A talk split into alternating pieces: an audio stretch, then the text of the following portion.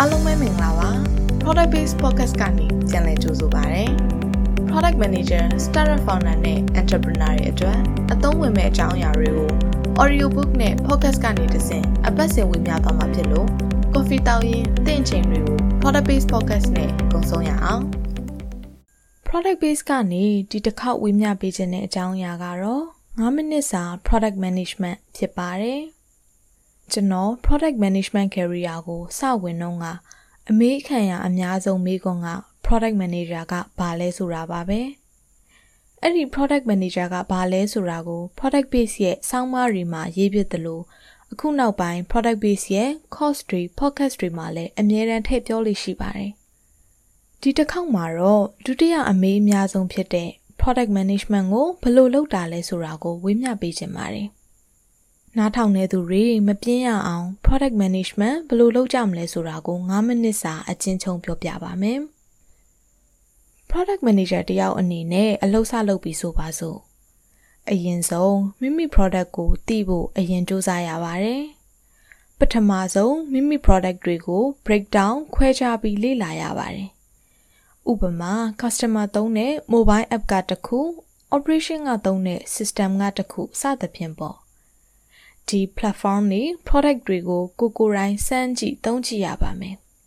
product တွေကိုကောင်းကောင်းလေ့လာပြီးတဲ့အခါမှာတော့နောက်တစ်ဆင့်အနေနဲ့ product roadmap တိစောက်ဖို့ပါ product roadmap ဆိုတာက planning လုပ်တာပါပဲကို product ကိုအောင်မြင်ခြင်းရင် plan ဆွဲပြီး strategy တေချာချတာကအကောင်းဆုံးဖြစ်ပါတယ်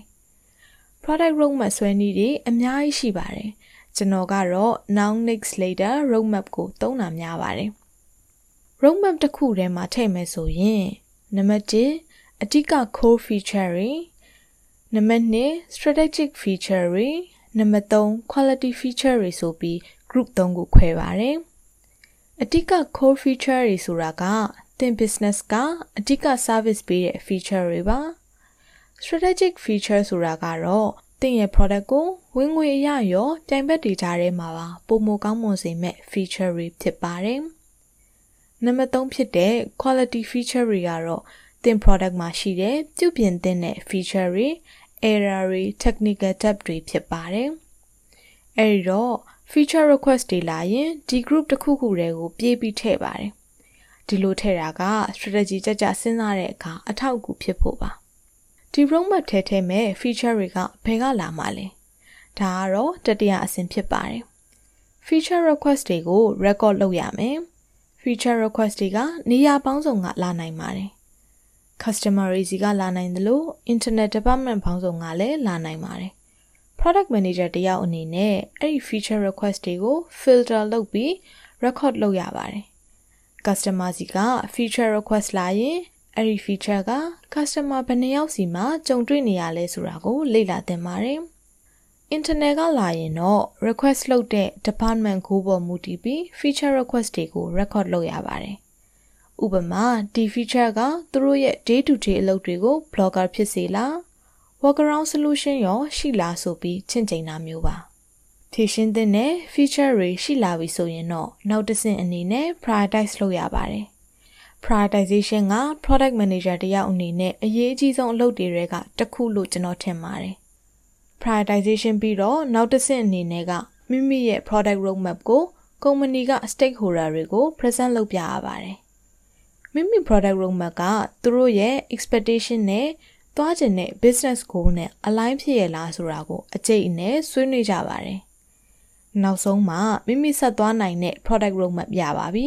။ဒီအထိဆိုရင်တော့ product management ရဲ့လုပ်ငန်းဆောင်တာက90ရာခိုင်နှုန်းပြီးပြီလို့ပြောလို့ရပါတယ်။ နောက်ထပ်90ရာခိုင်နှုန်းရဲ့အစကတော့ development လုပ်ဖို့ ready stage လုပ်ရတာပါဆိုလိုတာက roadmap ထဲက features တွေကို development team နဲ့ဆက်ဆွေးနွေးဖို့ user story တွေ epic တွေ PRD တွေအဖြစ်ပြောင်းလဲရပါတယ် documentation လုပ်တဲ့အဆင့်လို့ပြောလို့ရပါတယ်ပြီးပြီဆိုရင် development team နဲ့ထိုင် prioritize လုပ်ထားတဲ့ product roadmap ကိုပြပြီးရင်သူတို့နဲ့အတူ sprint planning တွေလုပ်ကြပါတယ် best sprint မှာဘာကိုထည့်လို့ရတယ်ဘယ်လိုခွဲလို့ရတယ်ဆိုတာကိုအသေးစိတ်ဆွေးနွေးကြပါတယ် roadmap က general overview ဆိုရင် sprint planning ကတော့ detail overview ပါ sprint planning ကိုတော့ user က block ဖြစ်နေပြီလား issue ဒါမှမဟုတ် feature က impact ကြီးနိုင်လား develop လုပ်ဖို့အချိန်ကြာကြာယူနိုင်လားစတဲ့အချက်၃ချက်ကိုကြည့်ပြီးဒီ sprint ထဲမှာထည့်သင့်မထည့်သင့်ဆုံးဖြတ်ကြလိမ့်ရှိပါတယ်။ develop လုပ်နေတဲ့အချိန်မှာ product manager အနေနဲ့ sprint status ကို communicate လုပ်ရပါတယ်။ communication က product manager အတွက်တော့အရင်အရေးကြီးပါတယ်။ထင်နိုင်ရင် monthly ဒါမှမဟုတ် bi-weekly meeting တွေကို feature owner တွေ executive တွေနဲ့အတူ keep inform လုပ်သင့်ပါတယ်။ဒီနေရာမှာ product manager တယောက်အနေနဲ့နောက်တစ်ခု involve လုပ်ရတာကတော့ release plan သို့မဟုတ် go to market plan ဖြစ်ပါတယ်။ အဲ့ဒါတွေအားလုံးပြီးသွားရင်တော့နောက်ဆုံးအဆင့်အနေနဲ့ post release ကို catch up လုပ်ရတာပါ။ဒီနေရာမှာအသက်ကတော့ data နဲ့ feature တွေကိုကောင်းကောင်းအလုပ်လုပ်နေလားဆိုတာစမ်းစစ်ရတာပါပဲ။ data မှာတော့ qualitative data ကော quantitative data ကောကိုကြည့်ရပါလိမ့်မယ်။ executive management ကို PowerPoint ဖြစ်ဖြစ် present ပြ team training လုပ်ရမယ်ဆိုရင် user guide တွေလုပ် internet announcement တွေလုပ်ရမယ်ဆိုရင် release email တွေရေး နောက်ထပ် feature improvement တွေရှိရင် documentation နဲ့ထည့်စသဖြင့်လုပ်ရပါတယ်။အဓိကကတော့ everything under control ဖြစ်နေဖို့ပါ။ဒါတွေက product management ဘယ်လိုလုပ်ကြလဲဆိုတာကိုအချင်းချင်းဖော်ပြပေးတာပါ။တက်နိုင်သလောက်ခြုံငုံရေးထားတာမို့နည်းနည်းတော့များနေပါလိမ့်မယ်။ဒါအကုန်မဲလားဆိုရင်တော့မဟုတ်သေးပါဘူး။ design ပိုင်းတွေ data analyst ပိုင်းတွေ customer interview တွေစသဖြင့် ကိုယ့်ရဲ့အလုပ်ပေါ်မူတည်ပြီးပါဝင်ရတာတွေရှိတတ်ပါသေးတယ်။ကျွန်တော်ဖော်ပြထားတဲ့အဆင့်တွေကိုလေ့လာကြည့်ရင် product management ကိုဘယ်လိုလုပ်တာလဲဆိုတာကိုတီးမိခောက်မိမယ်လို့ထင်ပါတယ်။ product base ရဲ့ audio book ကိုနားဆင်ပေးတဲ့အတွက်ကျေးဇူးအထူးတင်ပါတယ်